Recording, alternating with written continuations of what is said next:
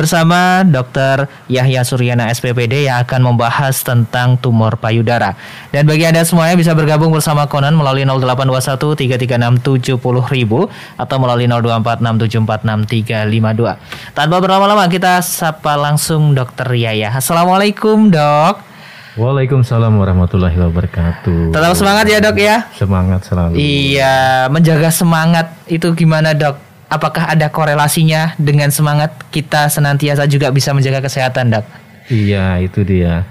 Semangat itu membuat uh, uh, erat kaitannya dengan psikologis kita ya. Hmm. Jadi dengan psikologis kita yang baik, lalu kemudian uh, ada hormon-hormon endorfin sehingga menyebabkan kita selalu fit semuanya seperti itu. Ya. Oke, jadi perlu ya kita menjaga semangat ya dok ya. Sangat perlu sekali. Nah kemarin saya pernah bilang bahwa bahagia itu diciptakan, semangat pun juga harus diciptakan ya dok ya. Iya. Nah, nggak nunggu nggak nunggu dengan syarat ya dok ya. Iya, jangan nanti kelamaan. kadang tuh uh, manusia-manusia tuh kadang seperti saya sendiri tuh ketika mau bahagia ada syaratnya gitu. Kalau udah punya ini itu dan sebagainya. Kalau belum berarti kita nggak bahagia. Nah, Naudzubillah ya dok ya. Bersyukur ya. Bersyukur ya seperti itu. Dok pembahasannya ini bikin deg-degan juga karena namanya juga dialog dokter itu. Tema-tema yang dihadirkan kadang bikin orang itu ketakutan. Tapi ketika kita mendapatkan informasinya jadi bisa untuk meminimalisir ataupun juga mengobati ya dok ya. Iya. Yaitu betul. berkaitan tentang tumor payudara. Nah, yang pertama pertanyaannya, tumor payudara itu sebenarnya penjelasannya tuh yang seperti apa sih supaya kita tidak mengira ada sesuatu hal terutama wanita pastinya eh ini langsung difonis diri sendiri tanpa kita berobat. Sebenarnya tumor payudara itu yang seperti apa, Dok? Ya, ya ini bagus ya pertanyaannya dari dasar dulu. Sebenarnya kita perlu mengetahui uh, perbedaan antara tumor dengan kanker ya. Hmm. Uh, tumor itu uh, setiap benjolan itu disebut sebagai tumor. Kanker dikatakan kanker bila mana dia uh, bersifat ganas atau malignansi seperti itu. Uh, kalau tumor payudara kalau dikatakan tumor itu masih uh, bisa jadi dia adalah jinak, tapi suatu saat bisa jadi dia berubah menjadi ganas seperti itu. Jadi apa yang disebut dengan uh, kanker payudara? Yang disebut sebagai kanker payudara itu adalah uh, setiap sel yang terjadi pertumbuhan secara malignan atau ganas sehingga nanti terjadi proliferasi membentuk suatu benjolan yang banyak dan bahkan bisa bermetastasis. Nah, itu yang disebut sebagai kanker payudara. Dia tidak bisa dibendung.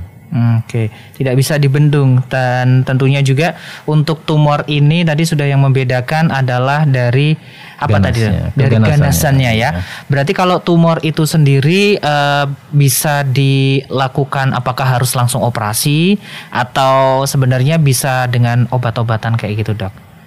Ya, kalau uh, sebenarnya kita harus mengetahui itu tumor apa cancer. Hmm. Nah itu dia. Nah, jadi harus dipastikan dulu. Uh, pertama-tama bagaimana kita tahu itu tumor sebenarnya ya. eh, awal-awal bagi uh, kaum hawa, kaum perempuan itu sebenarnya untuk mencegahnya mereka harus melakukan suatu prevensi seperti itu ya. Lalu bila mana uh, baik itu sadari, baik itu sadanis. Nah, lalu kemudian terdapat benjolan kayak gitu. Bila mana terdapat benjolan, maka sebaiknya harus uh, berkonsultasi dengan dokter yang uh, terdekat seperti itu untuk dilihat dilihat nanti melalui pencitraan entah hmm. itu mamografi atau uh, pemeriksaan USG uh, mame atau USG payudara. Nanti di sana akan kelihatan uh, perbedaannya apakah ini tumor tumor biasanya jinak, apakah ini kanker? Karena terdapat perbedaan bedanya apa? Kalau misalkan melalui USG, di sana akan kelihatan misalnya uh, kita akan melihat dia akan taller dan uh, wider kayak gitu. Jadi dia lebih tinggi dibandingkan dengan uh, lebar. Kemudian terdapat mikrokalsifikasi. Nah, itu khas pada cancer. Sementara pada tumor tidak seperti itu. Biasanya kalau tumor itu homogen. Oke. Nah, jadi bisa diketahui dari sana. Oke, untuk mengetahui seperti itu. Nah, kita berkaca ketika orang sudah terkena tumor itu eh, bahasanya apakah bisa diobati secara tuntas dibandingkan dengan kanker itu atau memang sebenarnya eh, ketika sudah kena tumor bersiap bisa kena kanker nih, Dok. Ya, jadi itu pentingnya preventif. Nah, preventif eh, kita punya slogan preventif is the best. Mhm. Uh, jadi uh, kita lihat insidensinya ya sebenarnya insidensi uh, kanker payudara di Indonesia itu sekitar 44 kasus per 100 ribu itu insidensinya. Kemudian kalau dia mortalitas atau, atau tingkat kematiannya itu sekitar 15 kasus per 100 ribu. Nah, eh, pada saat pasien itu datang, itu malah terdiagnosanya bukan pada stadium awal, tapi pada stadium kebanyakan adalah 2 dan 3, lebih banyak stadium 3-nya. Jadi ini udah uh, advance ya, termasuk uh, lokalis advance atau uh, lanjut, uh, 4 tingkat lanjut ya, seperti itu. Nah, pendekatannya ini sebenarnya ya, kalau misalkan datang pada stadium awal, itu malah bisa dicegah. Misalkan ukurannya kurang dari 2 cm, nah itu dengan pembedahan bisa diatasi. Kemudian tidak tidak cukup hanya pembedahan. Kalau itu tumor biasa ternyata dalam pemeriksaan patologanatominya itu selesai. Tapi kalau itu adalah suatu cancer ukurannya kecil, setelah pembedahan dia perlu dipe- diperiksa imunohistokimia atau nanti di, di patologanatomi akan diperiksa marker-marker seperti hormon hormon-hormon di sana entah itu progesteron, eh, VR, IR, estrogen reseptornya di eh, sampelnya itu dan ini nanti akan berkaitan dengan terapinya. Terapinya obat minum. Mhm. Ada eh, apa namanya? Ada keuntungan pada eh, breast cancer ini dibandingkan dengan cancer-cancer lainnya. Walaupun breast cancer kita ketahui dia menempati peringkat tertinggi, tetapi tingkat kematian tertinggi di eh, diduduki oleh colorectal cancer. Kenapa? Karena adanya kebaikan dari preventif yang digalakkan oleh pemerintah. Oke. Seperti itu. Jadi sekarang ini eh, pemerintah dan juga para tenaga kesehatan melihat dari eh, fenomena itu untuk breast cancer ataupun juga tumor ini juga tidak begitu banyak ya karena tindakan preventif itu tadi ya dok ya. Nah bisa diceritakan dok mungkin dulu awal mulanya eh, apa namanya tumor ataupun kanker payudara ini muncul mungkin sejarah singkat hingga saat ini bisa diatasi baik itu mungkin tingkat eh, Indonesia ataupun dunia yang bagaimana dok? Nah, jadi eh, kita perlu tahu dulu etiologi atau faktor risiko ya. Mm-mm. Nah, jadi apa faktor risiko yang bisa menyebabkan eh, kanker payudara tersebut? Seperti itu. Ada faktor risiko yang bisa dimodifikasi dan ada faktor risiko yang tidak bisa dimodifikasi. Nah, ranah kita sebagai pencegahan pertama itu adalah mungkin juga bagi teman-teman yang para pendengar radio dai sekalian eh, eh, untuk melakukan faktor risiko yang bisa dimodifikasi ini sangat mudah seperti itu.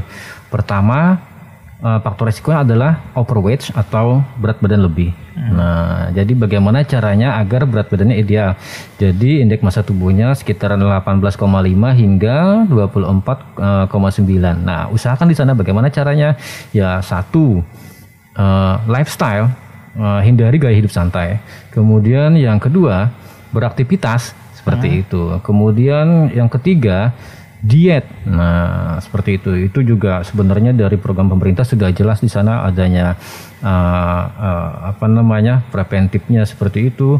Lalu kemudian uh, selain itu, selain uh, berat badan overweight, adanya juga uh, kalau family history nggak bisa dirubah ya, karena itu faktor risiko yang tidak bisa dirubah adalah riwayat uh, keluarga yang pernah ter- terkena cancer.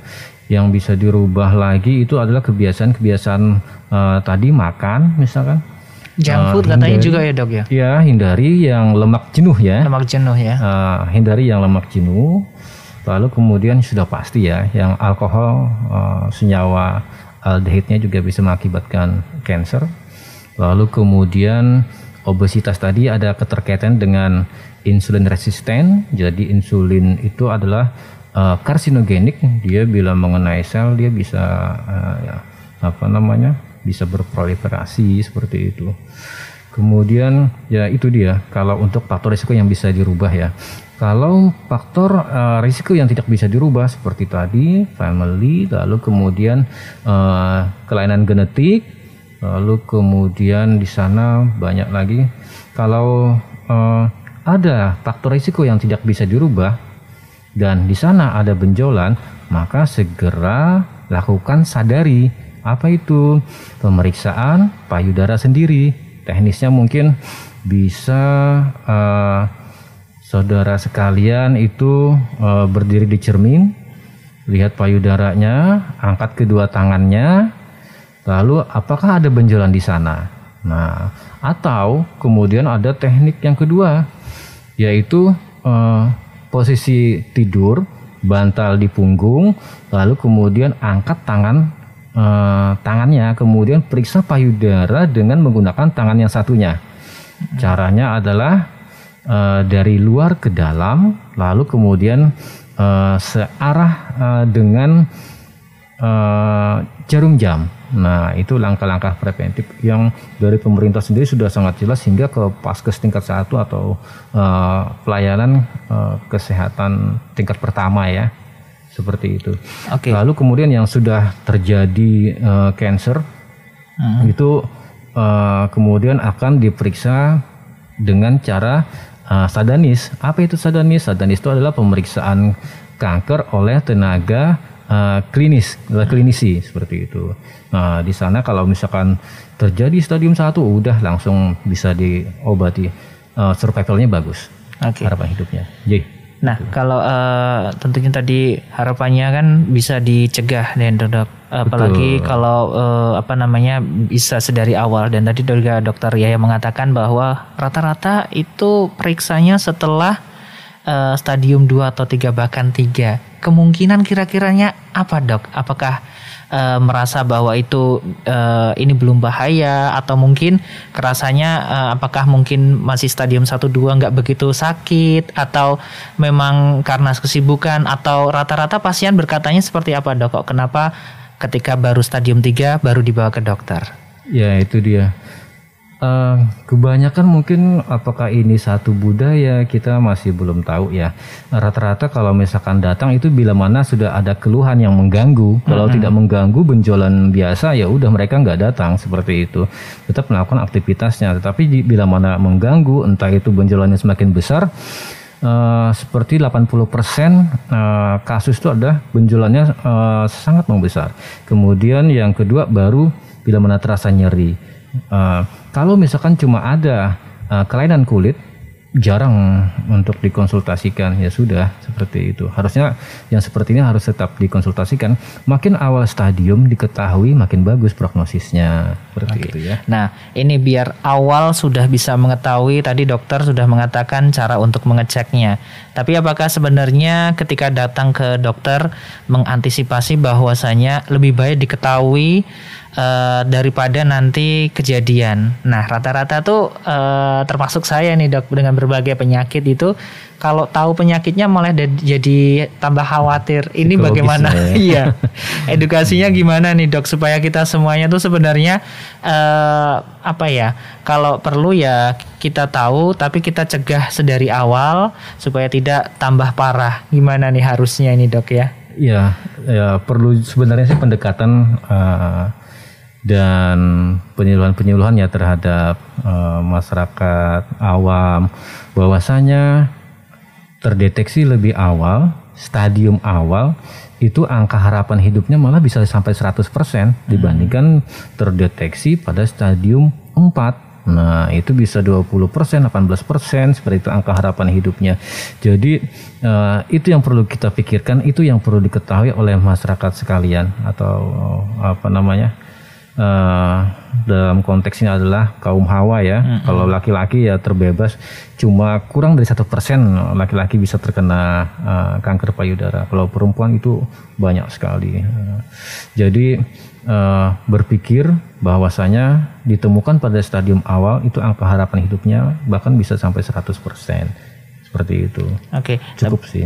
Iya, tapi ini tadi juga dokter mengatakan bahwa e, semakin lama berarti datanya e, penderita tumor dan juga cancer ini sendiri semakin turun ya dok ya? Atau stabil dalam arti memang tiap waktu itu ada e, segitu aja untuk data di Indonesia maupun e, dunia? Atau memang sebenarnya naik atau turun sebenarnya sih?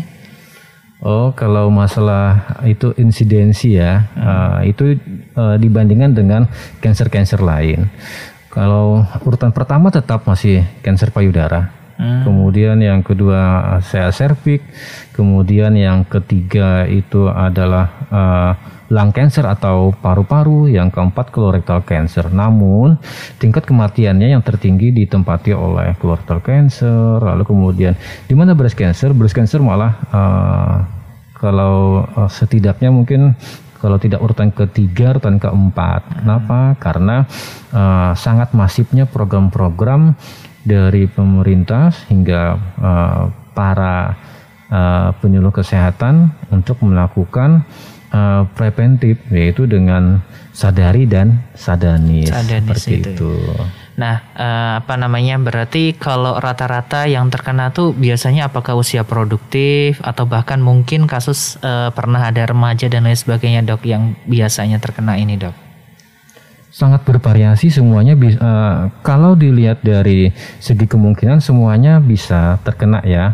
Semuanya bisa terkena baik dia yang premenopause bahkan dia yang sudah menopause juga bisa kena karena uh, apa namanya faktor risikonya kan tadi uh, banyak ya uh, tapi apakah lebih banyak yang usia tua atau dibandingkan dengan usia produktif ya karena ada faktor risiko di sana adalah hormonal yang bisa mengakibatkan ya faktor usia yang reproduktif ini juga uh, banyak dikenai dibandingkan dengan uh, usia lanjut seperti okay. itu. Nah, berkaitan faktor uh, resiko yang tadi dok. Terkadang kan uh, sesuatu penyakit selain dari bawaan selain dari kebiasaan ada juga dari uh, kegiatan dalam arti uh, bekerja dan lain sebagainya. Tapi untuk tumor ataupun kanker payudara ini mungkin dalam bekerja di suatu tempat dan sebagainya adakah yang biasanya memicu untuk uh, terkena penyakit itu dok? Ada ya.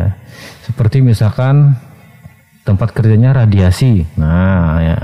Uh, faktor radiasi ini bisa mengakibatkan uh, perubahan pada sel, terjadi mutasi, kemudian terjadi proliferasi seperti itu. Prinsipnya adalah di sana ada inisiasi, di sana ada promosi. Nah, lalu kemudian nanti dia berkembang, lalu uh, apa namanya membentuk satu uh, tumor dan kemudian menjadi cancer. Tapi tidak semua tumor menjadi cancer ya. Tumor uh, beda dengan cancer. Tumor ganas itu dikatakan cancer. Nah, hmm, gitu. Nah, ada juga nih, saya juga membaca beberapa artikel ketika benjolan jinak. Nah, saya ini belum paham nih, Dok. Yang tadi kan ketika benjolan jinak bisa dikatakan tumor mungkin ya, Dok ya. Kalau Betul. ganas cancer. Nah, tapi benjolan jinak ini dengan cara diangkat juga ya. Jinak diangkat. Diangkat ya. Ketika diangkat, apakah ada kemungkinan nanti juga bisa timbul lagi atau memang sebenarnya ketika diangkat itu sampai akar-akarnya, Dok? Kalau itu tumor uh, selesai ya. Selesai ya. Selesai sampai di situ kecuali ada faktor lain misalnya uh, dia ada gangguan metabolik lemak. Nah, di sana akan muncul lagi hmm. benjolan. Hmm. Kenapa? Benjolan lemak, lipom misalnya yang ada di sana. Nah, itu bukan bagian dari cancer ya, tapi lemak yang besar di sana. Untuk menjaganya gimana nih dok? Uh, seumpama ada seorang wanita yang memang sebenarnya sudah pernah kena atau udah kena dalam arti ada benjolan jinak itu tadi diangkat supaya tidak kembali lagi terkena bagaimana? Dalam konteks ini itu adalah cancer ya. Kalau tumor itu uh, ringan. Oh ringan ya. Kalau selesai tumor berarti itu selesai ya, ya selesai oh. seperti itu. Kemudian kalau itu adalah cancer uh, bila mana dia datang pada stadium awal lalu kemudian diangkat nah dia bukan berarti itu sembuh, tetapi kita harus berpikir itu kemungkinan adalah remisi seperti itu. Jadi dia harus selalu monitoring. Nanti ketika datang stadium awal diperiksa patologi anatomi, eh ternyata ganas, lalu kemudian nanti diperiksa uh, hormon-hormon reseptornya yang ada di uh, pemeriksaan uh, sampel tadi, lalu kemudian diobati dengan menggunakan obat minum. Uh, itu harus selalu kontrol rutin. Lalu kemudian nanti ya, tiap bulan datang seperti itu untuk mencegah terjadi kekambuhan. Iya, supaya dicegah ya nggak uh, kambuh-kambuh lagi. Betul. Senang sekali untuk pada kesempatan kali ini kita semuanya bisa mendapatkan suatu edukasi juga ya. Bukan hanya pembahasan berkaitan tentang tumor payudara, jadi para kaum Adam uh, mematikan radionya ya dok ya. Malahan juga bisa mengetahui dan juga bisa menjaga istri serta anak ataupun juga ibunya mungkin ya seperti itu. Nah, Dok, yang biasanya juga Dokter Yaya sampaikan kepada masyarakat, kepada pasien supaya bisa menjaga diri supaya terhindar dari tumor maupun kanker payudara ini biasanya apa yang disampaikan, Dok? Yang bisa disampaikan ya uh, bagaimana kita melakukan pencegahan-pencegahan seperti uh, tadi yang kita katakan adalah uh, lifestyle-nya bagaimana, lalu kemudian dietnya juga harus diperbaiki, uh, usahakan uh, menghindari uh, uh, saturated uh, fat ya atau yang lemak jenuh seperti uh -huh. itu. Uh, jangan berkali-kali uh, menggunakan minyak uh, goreng seperti itu ya. Uh. Lalu kemudian tetap berolahraga karena dengan berolahraga itu akan mengaktifkan sensitivitas dari reseptor insulin sehingga insulin itu bisa masuk ke dalam uh, reseptornya dan menyebabkan gula bisa dirubah menjadi energi. Kalau tidak, maka akan terjadi penumpukan dan uh, kebanyakan bisa menjadi overweight atau uh, kegemukan. Kegemukan merupakan uh, suatu faktor risiko untuk terjadinya cancer, cancer apa pun juga sebenarnya ya, termasuk salah satunya adalah uh, cancer payudara seperti itu. Oke. Okay. Dan langsung kita buka uh, pertanyaan dari para pendengar ini dok ya. Ada beberapa yang bertanya. Yang pertama, di mana Eli yang pernah operasi tumor di tahun 2016 dan sampai sekarang tidak melakukan check up uh, ke dokter bedah ataupun ke mana pun. Nah ini ada kemungkinan tumor uh, bisa muncul lagi nggak dok ya? Ya, jadi sebenarnya perlu diketahui riwayatnya itu dulu uh, itu tumor atau kanker hmm. itu perlu dibedakan seperti itu. Kalau itu adalah uh, tumor, kalau sudah sekian lama kan tidak tumbuh ternyata ya. Hmm. Tapi kalau itu cancer harusnya itu uh, tumbuhnya akan entah itu membesar, muncul lagi, muncul lagi, membesar dan bermetastasis. Tapi penting untuk diketahui juga uh, untuk memeriksakan apakah masih ada terdapat benjolan. Seperti itu ya dengan teknik-teknik tadi lah dengan sadari dan sadanis. Dimulai dengan sadari dulu oleh uh, apa namanya saudari Eli di depan cermin diperiksa apakah masih ada benjolannya seperti itu. Lalu kemudian saat rebahan itu tangannya diangkat lalu kemudian tangan yang satunya itu meraba lagi apakah masih ada seperti itu jika ternyata ada maka lakukan pendekatan sadanis yaitu pemeriksaan uh, payudara oleh uh, klinisi seperti itu. Itu sih yang harus dilakukan ya. Langkah-langkahnya seperti itu ya dok ya. ya. Tapi terkadang. Tapi secara umum hmm uh, cancer kalau misalkan itu sudah lama secara umum harusnya itu satu membesar, dua bermetastasis seperti itu ya. Ya kemungkinan dulu mungkin uh, tumor ya, bukan cancer. Tetapi seharusnya mungkin dulu pernah diperiksa ya, mm-hmm. Se, diperiksa setelah dibedah, kemudian diperiksa, dibedakan jinak atau paganas. Biasanya kalau dokter bedah dulu biasanya seperti itu. Jadi mereka akan melakukan uh, pengambilan massa atau pengambilan tumor itu lalu nanti diperiksakan mereka kalau ternyata nah, hasilnya tidak ganas, ya sudah selesai. Selesai benar-benar pasti, ya. Pasti diperiksa ya. Saya Oke. yakin ini. Dan ketika eh, diperiksa itu eh, memang diinformasikan bahwa ketika tumor sudah diangkat dan diinfokan bahwa ini udah selesai, udah beres. Informasikan ganas atau tidak ganas. Oh, seperti gitu itu. ya. Berdasarkan hasil patologi anatomi. Hmm, gitu ya. Berikutnya lagi assalamualaikum dok dari Amalia yang bertanya di mana dia itu dari apotek terus memberi vitamin C1000 karena terdapat antioksidan yang banyak dan baik untuk penyembuhan tumor. Apakah benar begitu, Dok? Apakah antioksidan bisa menyembuhkan tumor? Nah, biasanya itu ada apa namanya? Ini fakta atau mungkin hanya informasi-informasi yang belum terbukti faktanya. Saya nggak berani bilang hoax tapi kadang tersebar seperti itu, Dok. Atau mungkin Iya, mitos. iya, antioksidan ya. iya. Eh, apalagi tadi vitamin C dosisnya tinggi ya. Seribu, Dok. Seribu Iya. ya. Eh, vitamin C kalau itu mengendap ya, akan terjadi kalsifikasi ya. Masalahnya juga nanti di ginjalnya lagi ya. Mm-mm. Sebenarnya eh, tubuh manusia dengan makanan-makanan yang ada itu juga sudah cukup.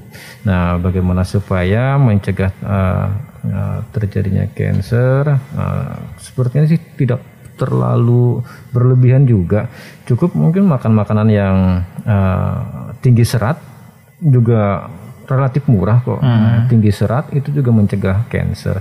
Jus juga mencegah cancer terutama delima sama citrus. Nah, ini ada penelitiannya.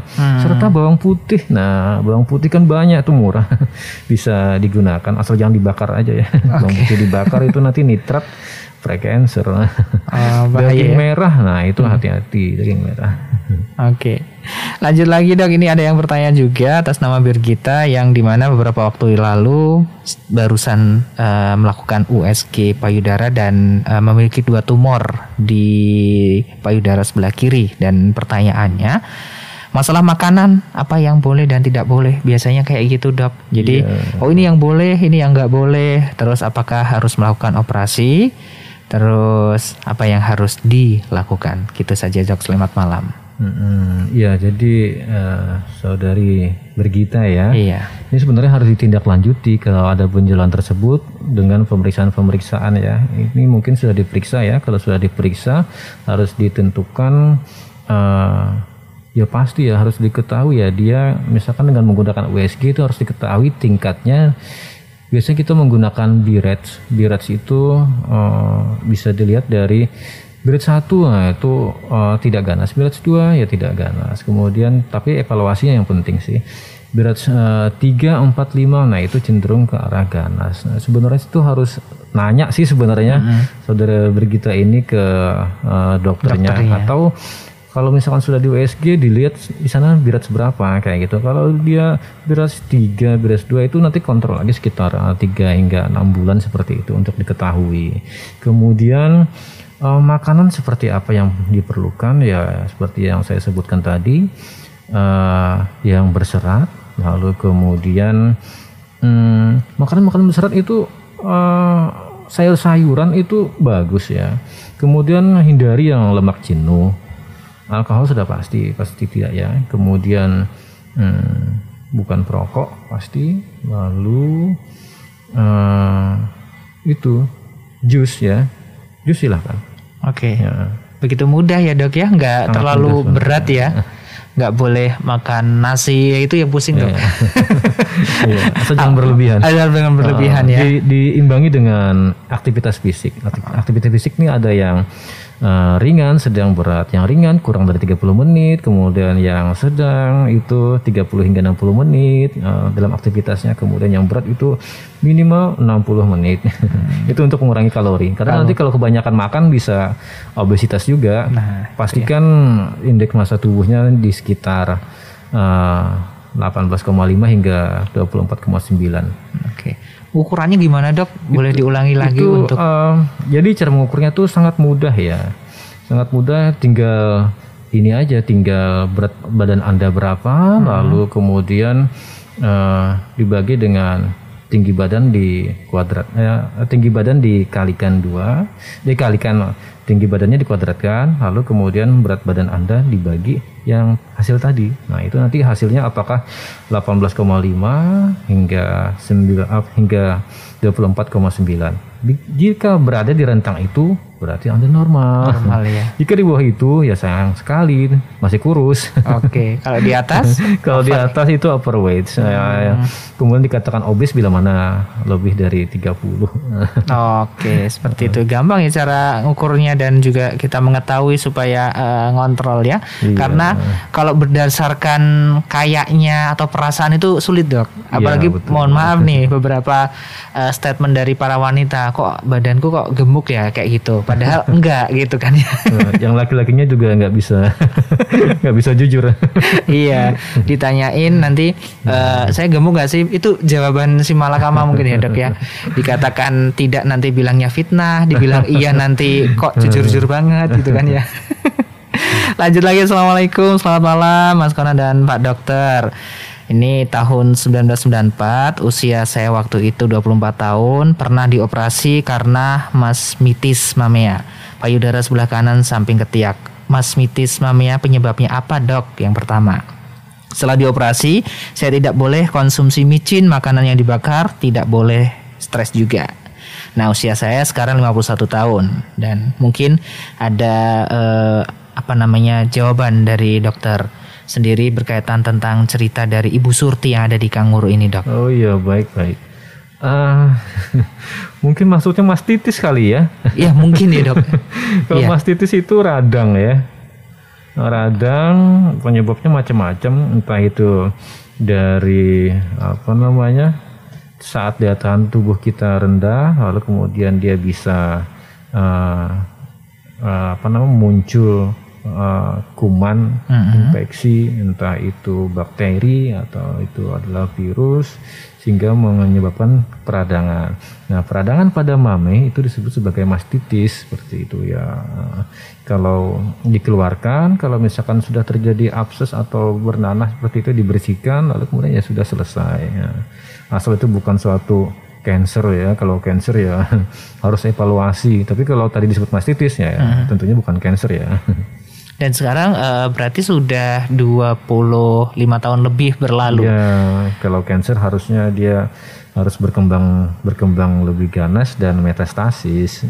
Oke, berarti uh, apa yang harus dilakukan saat ini? Mungkin dari dokter sendiri ya. sarannya ya, kepada Ibu Surti. Ya, sebenarnya terlepas dari itu uh, masalah mastitis ya setiap wanita perlu memeriksakan dirinya itu uh, paling tidak setiap tahun, eh, setiap bulan kayak gitu di depan cermin seperti yang tadi. Terlepas dari dia ada kasus atau tidak, nah, periksakan setiap bulan. Atau kalau pada wanita-wanita yang haid itu sekitar tanggal 7 hingga tanggal uh, 10 dihitung dari haid dia pertama. Nah itu bisa diperiksa seperti itu apakah ada benjolan atau tidak seperti itu. Kemudian untuk yang tidak haid atau yang menopause tetap harus diperiksakan setiap bulan pada tanggal yang sama. Hmm, nah, seperti itu. itu. Ya. Bukan tanggal muda ya.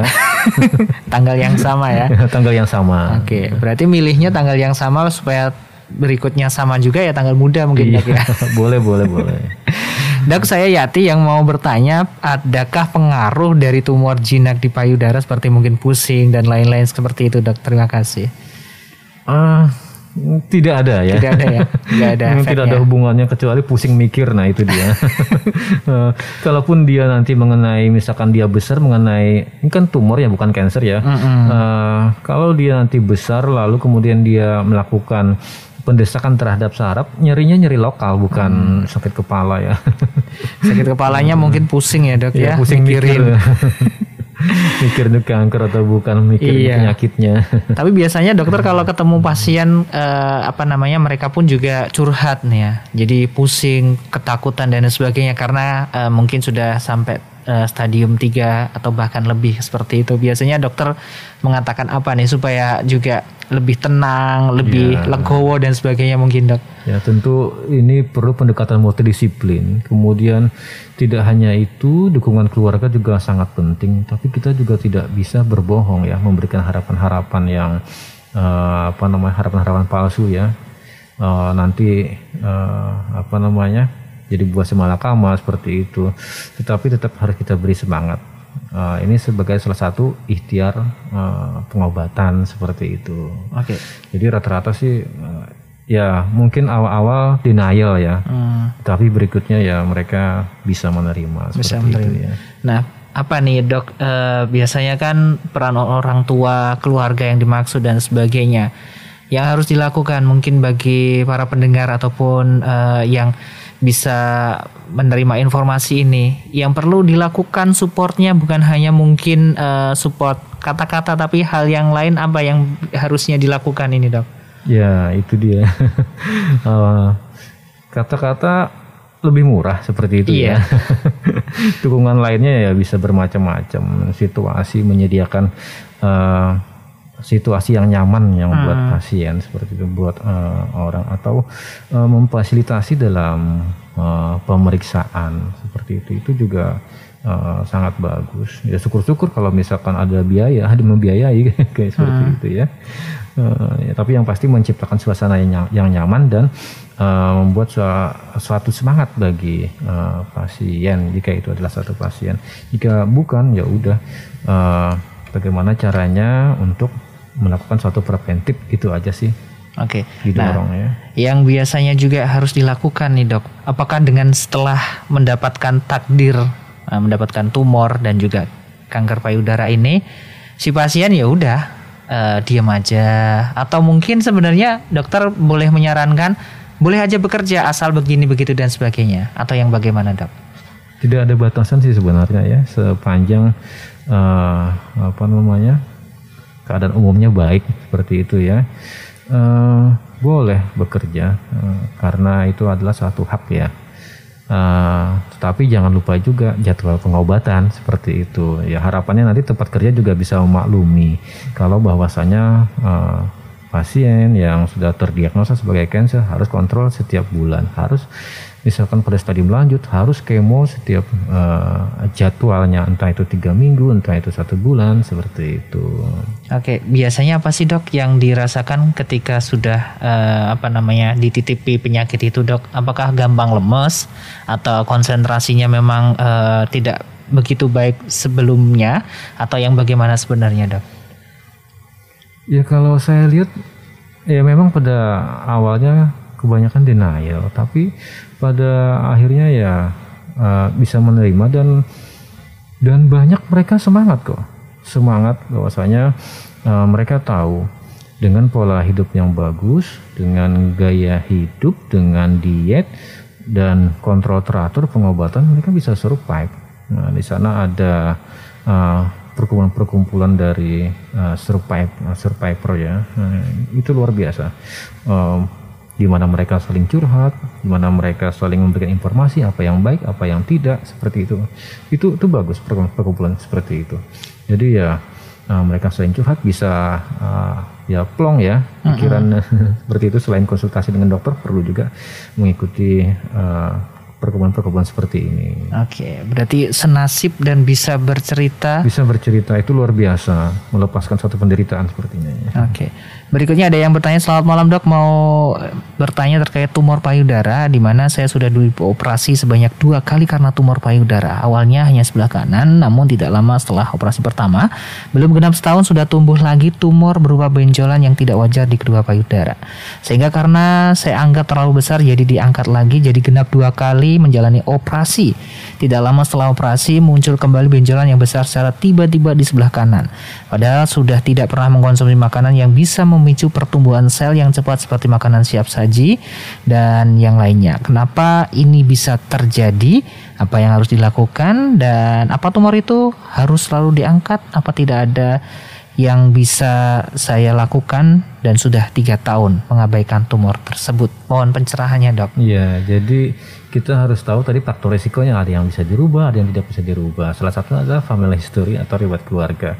Atau bila mana riwayat keluarga tidak ada, nah ini dia yang jarang kita periksa itu adalah eh, genetiknya. Nah, apa contohnya ya di sana ada BRCA1 dan BRCA2. Nah itu eh, bila mana seseorang ternyata secara genetik terdapat eh, brakawan dan brakatu itu semacam satu protein kayak gitu ya.